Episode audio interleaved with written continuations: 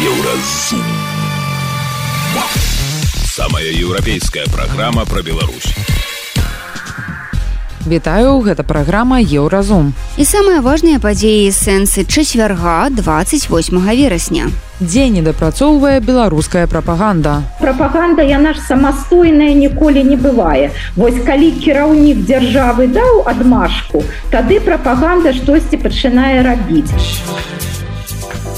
Чаму Швецыя прыняла шмат мігрантаў з далёкіх краін, а беларусам адмаўляе. Прапанова набыць білет да Масквы, я думаю, зноў сведчыць аб некампетэнтнасці і неразуменні міграцыйным агенствам сітуацыі ў Беларусі і ў рэгіёне у цэлым. І тут яна адпускае руки. Беларуска выратавала дзяўчыну ад самагубства ў ЗША. Адзінае, што, што мне прыйшло да галавы, гэта падскашыць да яе і схваціць яе за нагу. Пра гэта ды іншае больш падрабязна цягам бліжэйшай гадзіны. Еўразум жыві ў рытме Еўропы. Мінула лета і амаль першы месяц восені, а за гэты час у роднай Беларусі здарылася столькі падзей, што хапіла б на чатыры гады. Паспрабуем прыгадаць галоўнае. Украіну завезлі і вывезлі вагнараўцаў. Палякі з літоўцамі лезве не закрылі мяжу. Беларусаў за мяжой пазбавілі магчымасці атрымаць пашпарты і прадаваць сваю маёмасць у краіне без асабістай прысутнасці. Лукашенко заняўся свінагадоўляй і пытаннямі размеркавання платнікаў. Спіс можна працягваць. Як сябе ў гэтых кейсах павозіла беларуская прапаганда, дзе яна асабліва адзначылася, а што праваліла. Гэта да іншае ў эфіры еўрарадыё абмяркоўваем з медыяэксперткай ірыны сідорскай. Тое, што вы пералічылі, адразу выбіваецца з гэтага спіса сітуацыя за магчымым закрыццём межаў. Вось на гэтую тэму прапаганда маўчала і маўчыць да гэтай пары.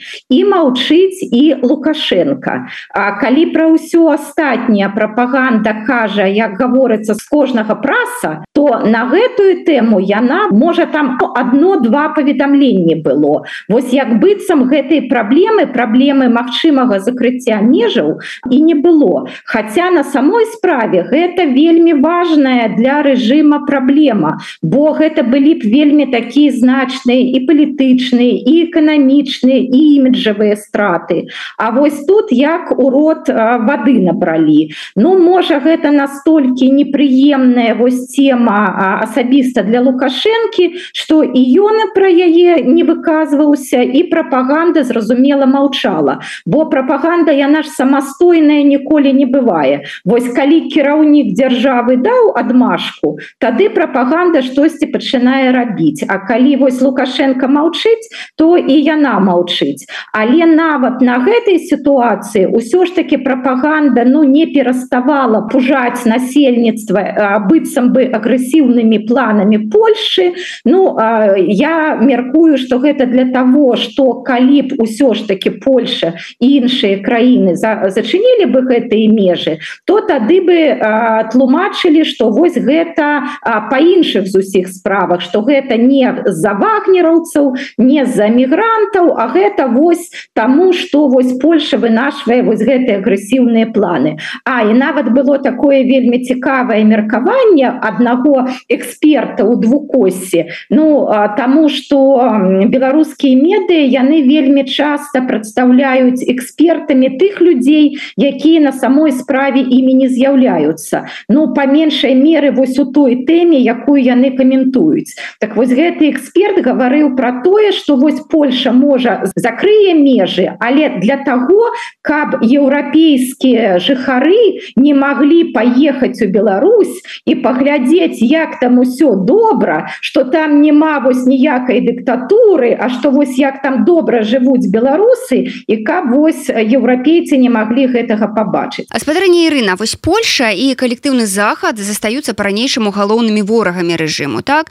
Пры гэтым з вуснаву лукашэнкі ўсё часцей гучаць словы пра тое што суседзяў не выбіраюць трэба нейкі там дыялог арганізаваць. Так вось давайте спадар галоўчынка звяжыцеся з Польшай. Прапагандысты гэта ўсё паўтараюць у сваёй манеры з пагрозамі і абразамі ў бок Польшы вось як гэта ўсё мусіць карэлявацца ў галовах тых хто глядзіць тэлевізор разумею вас вось мы чакаем ад прапаганды что яна будзе паслядоўная там не будзе супярэчлівай.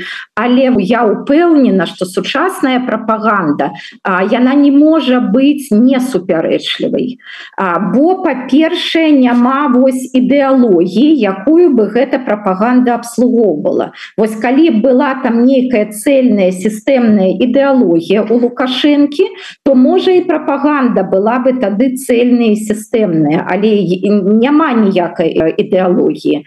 По-другое зараз вось калі так шмат крыніц інфармацыі то гэты усе крыніцы інфармацыі ніякая прапаганда не можа кантраляваць. Калі мы параўноўваем ну напрыклад сітуацыі другой сусветнай войны так там было мало крыніц інфармацыі і дзяржава ну там напрыклад нямецкі рэйх альбо там савецкі саюз яны маглі кантраляваць усе гэтыя каналы. І вось тады гэтых супярэчлівасцей амаль не было.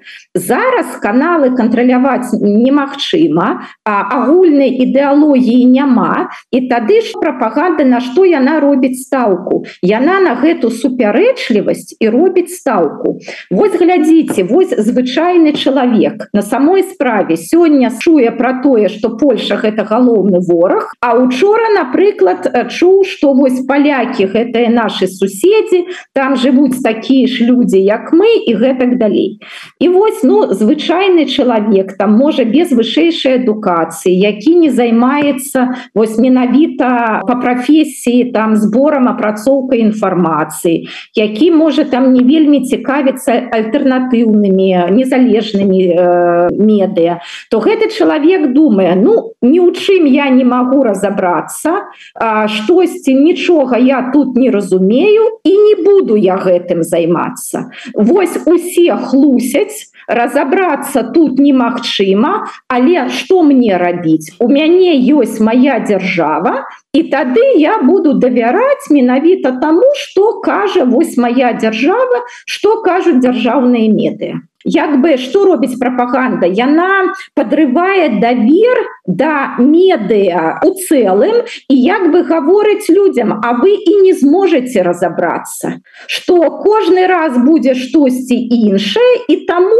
давярайце нам бо мы ваша дзяржава мы як бы ну мы тут вось як бы у одной лодцы. Таму вось калі прапаганда робіць гэтыя супярэчлівасці яна не тое что іх не боится яна нават их выкарыстоўвае Вось зараз даже ёсць такі тэрмін шизофрэнічная карціна свету якую малюе сённяшняя прапаганда і гэта вось як яе адметная рыса. То есть гэта для яе нормально і гэта для яе эфектыўна. Она вось як бы заганяе чалавека альбо ў прыватнае жыццё что вось э, не буду я зусім цікавіцца что там гэтые меды рассказываюць буду жить сваім маленькім жыццём альбо гаворыць тады что вось слухай толькі тое что гаворыць твоя дзяржава э, бо ты сам альбо сама ні ў чым не разбярэшся.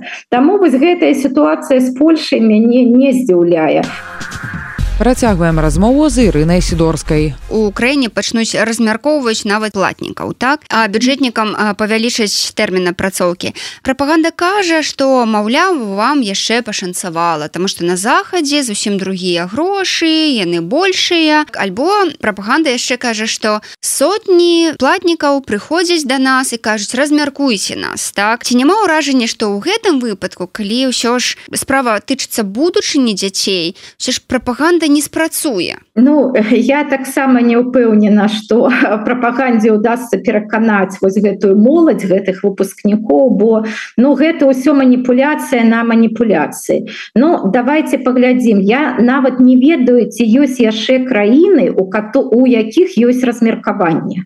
Ось я нават не ведаю бо нават у Росіі ніякага размеркавання няма. Хотя там таксама вучацца і по бюджэце і платна вучацца.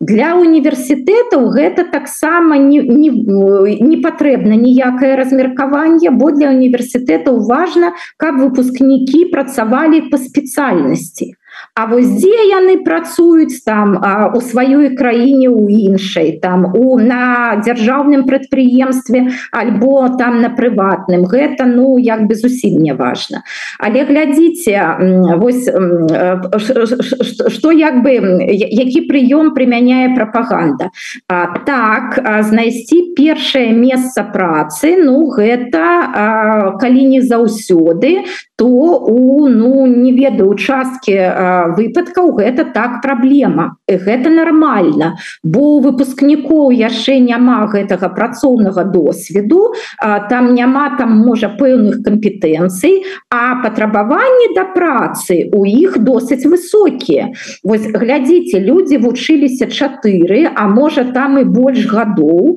Ну і зразумела что яны зараз хочуць прыйсці на добрую працу якая добра аплач аплочваецца там у якой там ёсць добры сацыяльны пакет бо гэта маладыя людзі ім там трэба ствараць сем'і там трэба там грошы на кватэру і гэтак далей.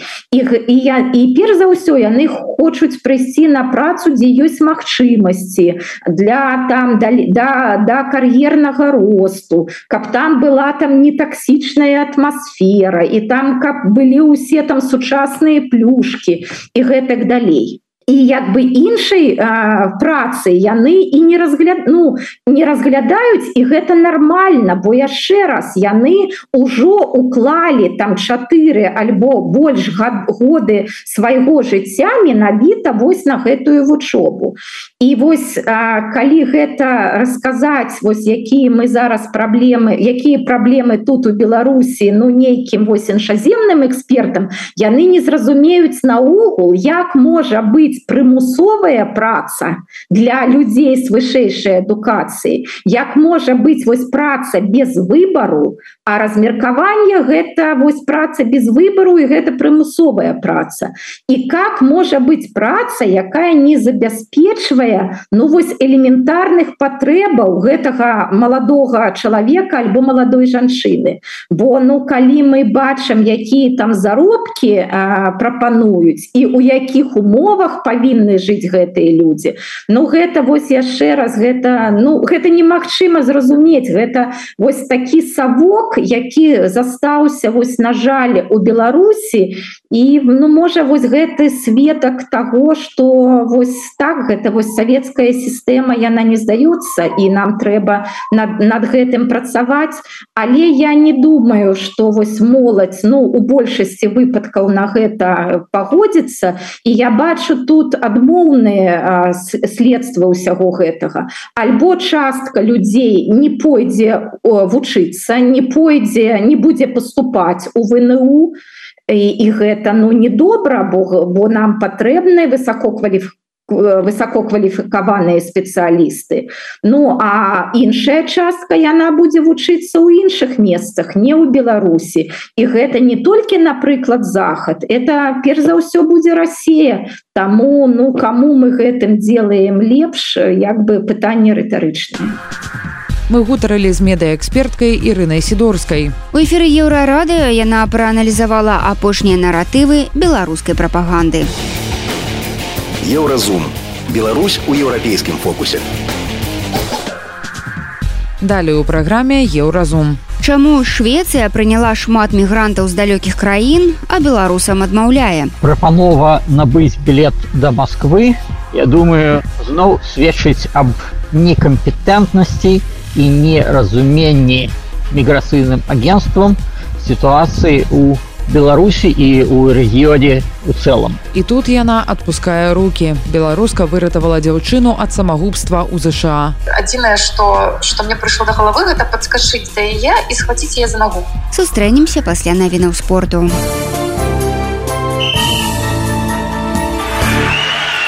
На еўрарадыё навіны спорту. у гродзенскі нёман у салігорску выйграў у шахцёра 52 гэта быў перанесены матч 17 тура чэмпіянату беларусі по футболе у вышэйшай лізе. У першынстве лідыруе мінская дынама 48 ачкоў у нёмана на тры менш. У хакеістаў віцебска пятая запар перамога ў беларускай экстралізе на гэты раз быў абыграны аршанскі лакаматыў 31 віцебск адстае ад лідара салігорскага шахцёра толькі на одно ачко Гандбалісты кельцы ў папярэднім этапе лігі чэмпіёнаў абыгралі французскі псж 3029 беларус арцём каралёк які выступае за польскую каманду вызначыўся толькі аднойчы. 29гадовую беларускую кідальніцу молата ганну малышчык дыскваліфікавалі на два гады. Такое рашэнне прыняла нацыянальнае антыдопінгавае агенцтва. У допінг пробе спартсменкі выявілі недапушчальныя рэчыва У сям'і беларускіх біятланістаў дынары Антона смольскіх нарадзіўся сын. Пра гэта алімпійская чэмпіёнка паведаміла ў садсетках. Яны пабраліся шлюбам летась, а сёлета Алімбекава змяніла прозвішча. Гэта былі навіны спорту, заставайцеся на еўрарадыё.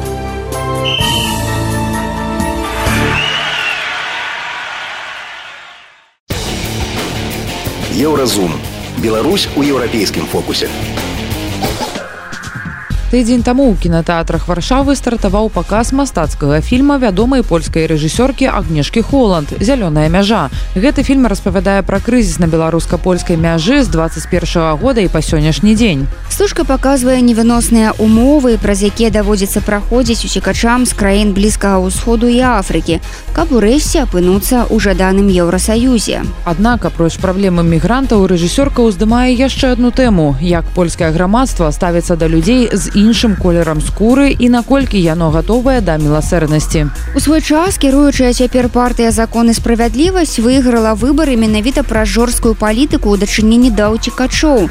Не дзіва, што рэакцыя на фільм Холанд адпаведная рэжысёрку цкуюць ва ўсіх праўладных польскіх медыя. У той жа час Швецыя з 2015 года была адной з найбольш адкрытых краін для мігрантаў. Сюды ехалі тысячы чалавек сірыі, Афганістана, паўднёвай Афрыкі. І гэта працягвала адбылася пакуль швецыя не зразумела што яе чакае калапс што яна не можа інтэграваць такую колькасць людзей нагадае менавіта простое што швецыя адмаўляецца выдаваць курдскіх уцікачоў турцыя доўгі час блакавала яе шлях у нато Цяпер маятнік хіснуўся ў іншы бок. Краіна намагаецца сканцэнтравацца на інтэграцыі тых, каго ўжо прыняла. І беларусаў, якія бягуць ад рэпрэсій, тут не асабліва чакаюць. Падрабязнасці ў рэпартажы еўрарадыё. Выпадак Алы не адзіны. У 2022 годзе рашэнне на свой запыт атрымаў 141 грамадзянін Беларусі. Усе яны шукалі прытулку ў Швецыі. Але краіна дазволіла застацца толькі траім з іх. То бок 98соткаў атрымалі адмоўнае рашэнне. Расказвае нам зміцер Васерман, прадстаўнік народнай амбасады Беларусі. У мяне ёсць разбіўка статыстычных данных по годам. У 2022 годзе 141 чалавек атрымаў рашэнне по прытулку. З гэтых 141 чалавека тры атрымалі прытулак, астатнім адмовілі. У гэтым годзе пакуль каля 70 чалавек атрымала рашэнне по прытулку 5 атрымала прытулак астатнім адмовілі подставы на якіх адмаўляюць сведчаць аб полным неразуменні сітуацыі в беларусі. Асноўная прычына гэта что чалавек з'яўляецца недастаткова выбітным дзеячам апозіцыі і гэта ў краіне там дзе можна сесть у труму на два года за лайки Часам беларусы чуюць іншы аргумент, калі ўлады не прыйшлі па цябе ў першыя ж дні пратэстаў, дык, магчыма, не такі ты і цікавы для іх. Шведы не ведаюць, а мы ведаем. У Беларусі людзей арыштоўваюць і праз два-тры гады пасля таго, як яны выйшлі на пратэст ці паставілі лайк пад так званай экстрэмісцкай публікацыяй. І больш за тое срокі, якія людзі атрымліваюць э, з гадамі толькі растуць калі ў 2020 годзе чалавек атрымліваў 15 дзён за удзел у пратэстах то зараз гэта 35 гадоў э, і выглядае што яны гэтага нейкім чынам не разумеюць і не желаюць разумець Алец Верко, шведская міграцыйная служба прапанавала набыць квіток у Расію, каб дапамагчы пакінуць шэнгенскую зону. Прапанова набыць білет да Масквы, я думаю, зноў сведчыць аб некампетэнтнасці і неразуменні міграцыйным агенствам сітуацыі ў беларусі і ў рэгіёне у цэлым. Я не ведаю чаму яны так зрабілі то есть гэта гэта вельмі дзіна. Вось але у гэтым выпадку усе дзеяння агентств эміграцыі вельмі вельмі дзіўныя і гэта яшчэ раз подтверждае что я не разумею за что там людзі атрымліваюць зарплату то есть яны мусяць разумець і мусяць быць кампетэнтнымі але відавочна такімі не з'яўляюцца але есть і больш зразумелыя падставы для адмовы. У ЕС членам якога з'яўляецца Швецыя дзейнічае дублінскае пагадненне. Паводле яго чалавек павінны шукаць прытулку ў найпершай краіне праз якую ён заехаў у еўросаюз і на гэтай падставе яму могуць адмовіць у прытулку і выслаць у папярэднюю краіну. У еўразвязе дзейнічае дублінскае пагадненне пагаднення по якому чалавек сапраўды павінен шукаць прытулка ў першай краіне у якую он прыехаў. Але тут могуць быць варыянты напрыклад калі чалавек едзе транзітам праз другую краіну і заставаўся там менш за 24 гадзіны то гэта лічыцца транзіт а не першая краіна уезду. Ось і таксама людзі маглі прыляцець напрамую напрыклад самалётам з Украіны ці самалётам з турцыі Вось, але калі чалавек заставаўся некаторы час у другой краіны, а толькі потым прыехаў у Швецыю, то на гэтай падставе яму могуць адмовіць і выслаць у папярэднюю краіну па дублінскаму пагадненню. У 2020 годзе беларусы былі ва ўсіх шведскіх газетах і на ўсіх шведскіх экранах кажа зміцер. І шведскія палітыкі гэта помняць але шведскія палітыкі гэта не ўсе шведы. Збольшага Беларусь застаецца э, дастаткова невядомай краінай для шведаў. Э, то есть тыя хто цікавіцца міжнароднай палітыкай яны зразумела помняць э, пратэсты і калі мы напрыклад сустракаемся з палітикамі якія цікавяцца яны вельмі добра ставяцца да беларусаў э, трэба помніць что у 2020 э, годзе мы былі ва ўсіх газетах і на ўсіх экранах. І э, шведскія палітыкі гэта помняць і яны ведаюць што беларускі народ э, адмовіў лукашэнкі ў падтрымкі і э, сапраўды э, змагался, каб атрымаць свабоду. Э, вось аб гэтым сведчыць, напрыклад, прэмія, якую Светлана Ціхановская атрымала тры нядзелі таму. Прэмія імя Ганны Лінд, э, вельмі прэстыжная шведская прэмія. Вось, але для большасці людзей Беларусь ўсё-такі застаецца недастаткова вядомай краінай. І, на жаль, пасля пачатку вайны в Украіне Беларусь амаль зусім сышла з сторонак газет. І калі яна там з'яўляецца то не ў лепшым свеце напрыклад вось калі лукашенко запасіў вагнераўцаў у Беларусь гэта зразумела дадала зацікаўленасці але не зацікаўленасці к э, демократычнаму руку а просто з'явіўся інтарэс да потому что э, лукашистская диктатура стала представлять яшчэ большую погрозу для еўрапейской бяспекі Але ж зміцеру падабаецца жыццё ў швецыі ён лічыць што Беларусь мусіць жыць гэтак жа як гэтая скандынаўская краіна. Сам ён працуе ў банкаўскай сферы і валанцёрыць у народнай амбасадзе беларусі. Я жыву швеции з 1996 года. Я таксама потрапіў швецыі у якасці паліцыі палітычнага уцікача. Працую тут у банкаўскай э, IT сферы. І таксама з'яўляюсь э, волонтерам народной амбасады Беларусі у Швеции. Ну, у жыцці ў Швеции дастаткова шмат плюсаў, то есть гэта э, развитая і демократычная краіна. У людзей ёсць не толькі не толькі демократычная сістэма э, палітычная, але і демократычная культура.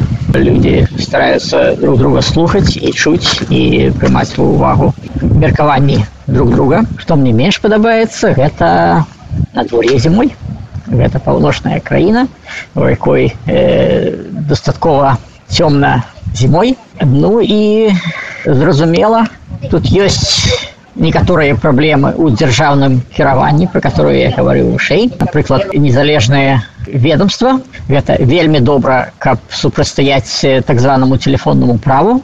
Але гэта иногда вот создае вось такія сітуацыі як зараз калі міграцыйнае агентство якое з'яўляецца палітычна незалежным э, показвае поўную некампетэнтнасць і э, палітыкі наконт гэтага не могуць нічога зрабіць потому что яны не маюць права ўмешвацца ў канкрэтныя выпадкі. По многім параметрам я думаю швеция вельмі добрая краіна вельмі прыгожая краіна вельмі падобная краіна на Беларусь. І я думаю что насельніцтва швеции дастаткова падобна на Беларусь і я думаю пасля э, звяртання да дэмакратыі в беларусі э, есть шанец что Беларусь дастаткова хутка станет падобна на швецию інфармацыйная служба еўрарадыо Еўразум. Беларусь у еўрапейскім фокусе. Далей у праграме Еўразум. І тут яна адпускае руки. Беларуска выратавала дзяўчыну ад самагубства ў ЗША. Адзінае, што, што мне прыйшло да галавы, гэта падскашыць да яе і схваціць яе за нагу. Сустрэнемся пасля навінаў шоу-бізу. Шоу-біз.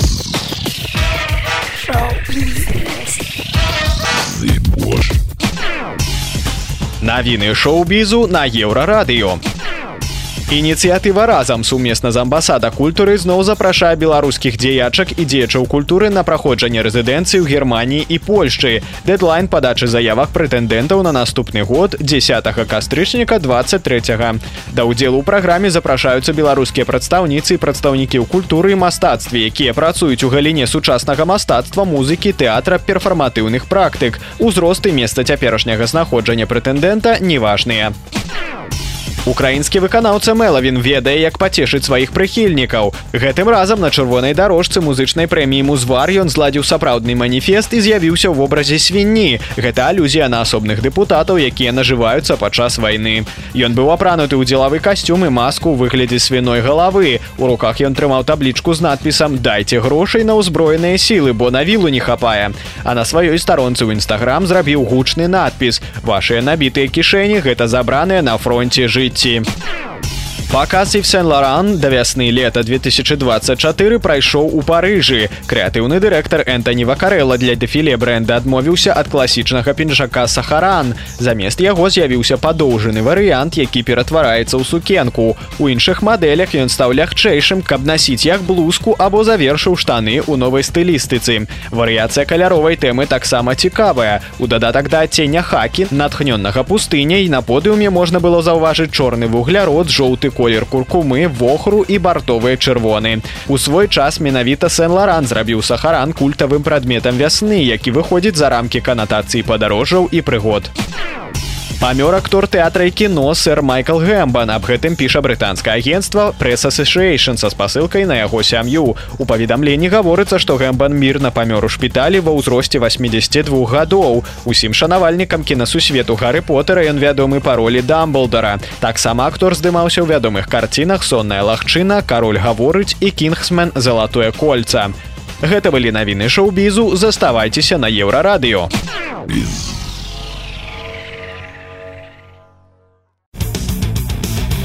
Еўразум. Жыві ў рытме Еўропы.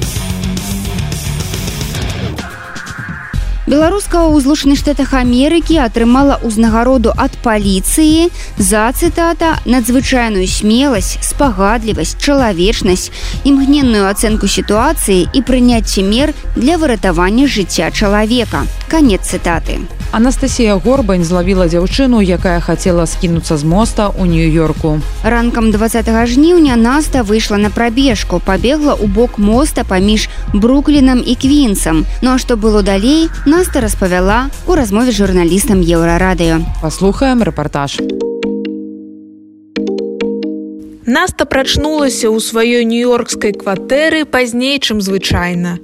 Але прапускаць прабежку было нельга, набліжаўся марафон. Дзяўчына выйшла на вуліцу, але пабегла нязвыклым для сябе маршрутам. І чамусь я выбрала маршрут, які я звычайна не, не выбіраю. Я бегу я звычайна бегу у другі бок а тут я вырашыла пабегаць па, па мастах потому что яны таксама уваходзяць у маршрут марафон. Я вырашыла что я там патрынуюся пабегаць по мастах ну і ну пабегла у другім накірунку ранак як ранак сёмая гадзіна людзей на вуліцы яшчэ мала насустрач насце бяжыць маладая дзяўчына уся ў слязах наста прабягае міма але не вытрымлівае і спыняецца я была у навушніках і я пачула што ёсць штосьці не так. Вось я пачала назіраць наста апісвае нам мост паміж двума раёнамі нью-йорка бруклінам і квінсам у цэнтры тэхнічная будоўля за ёю і схавалася тая самая дзяўчына. Цяпер далёка не з усіх частак моста можна было яе пабачыць я спачатку пачала назіраць з статкова вялікай дыстанцыі паміж намі было ну метраў магчыма 5 можа 10 а потым я побачыла што яна села на самы край.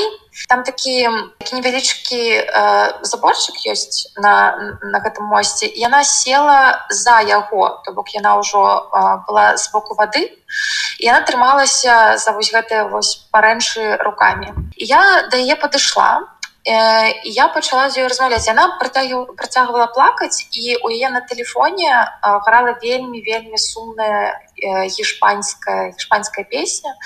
Яна я у меня было такое адчуванне нібы яна мне не чуе і глядзіць скрозь мяне я намагалася даведацца што што адбылося что трапілася чаму чаму яна плача.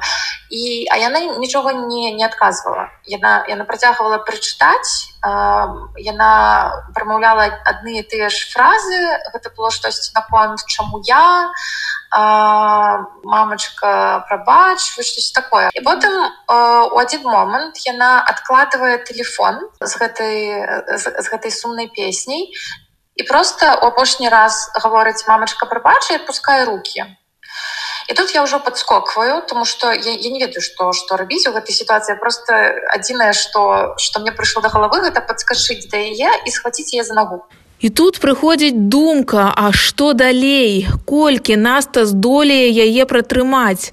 Раніца ваколь амаль нікога няма, Так, дзяўчына трэніравалася ў спартзале, але не, яна не настолькі моцная, каб доўга трымаць над безданню іншага чалавека. А я у той момант яшчэ зразумела, што я не магу крычаць, потому што у мяне ўсё ўсё жалася, ўсё цела жалася і, і такое было адчуванне, нібы усе усе мои сілы, тады ўсё маё жыццё было сканцэнтравана у той у той кропцы у якой я трымала гэтую дзяўчыну за нагу. І гэта была моя у той момант адзіная мэта. І я не могу крычаць я не ведаю я не, не памятаю колькі па часе. Гэта было не вельмі доўга. Для, для мяне вось гэтай першай хвіліны цягнуліся вельмі доўга калі я была яшчэ одна трымала просто гэтую нагу.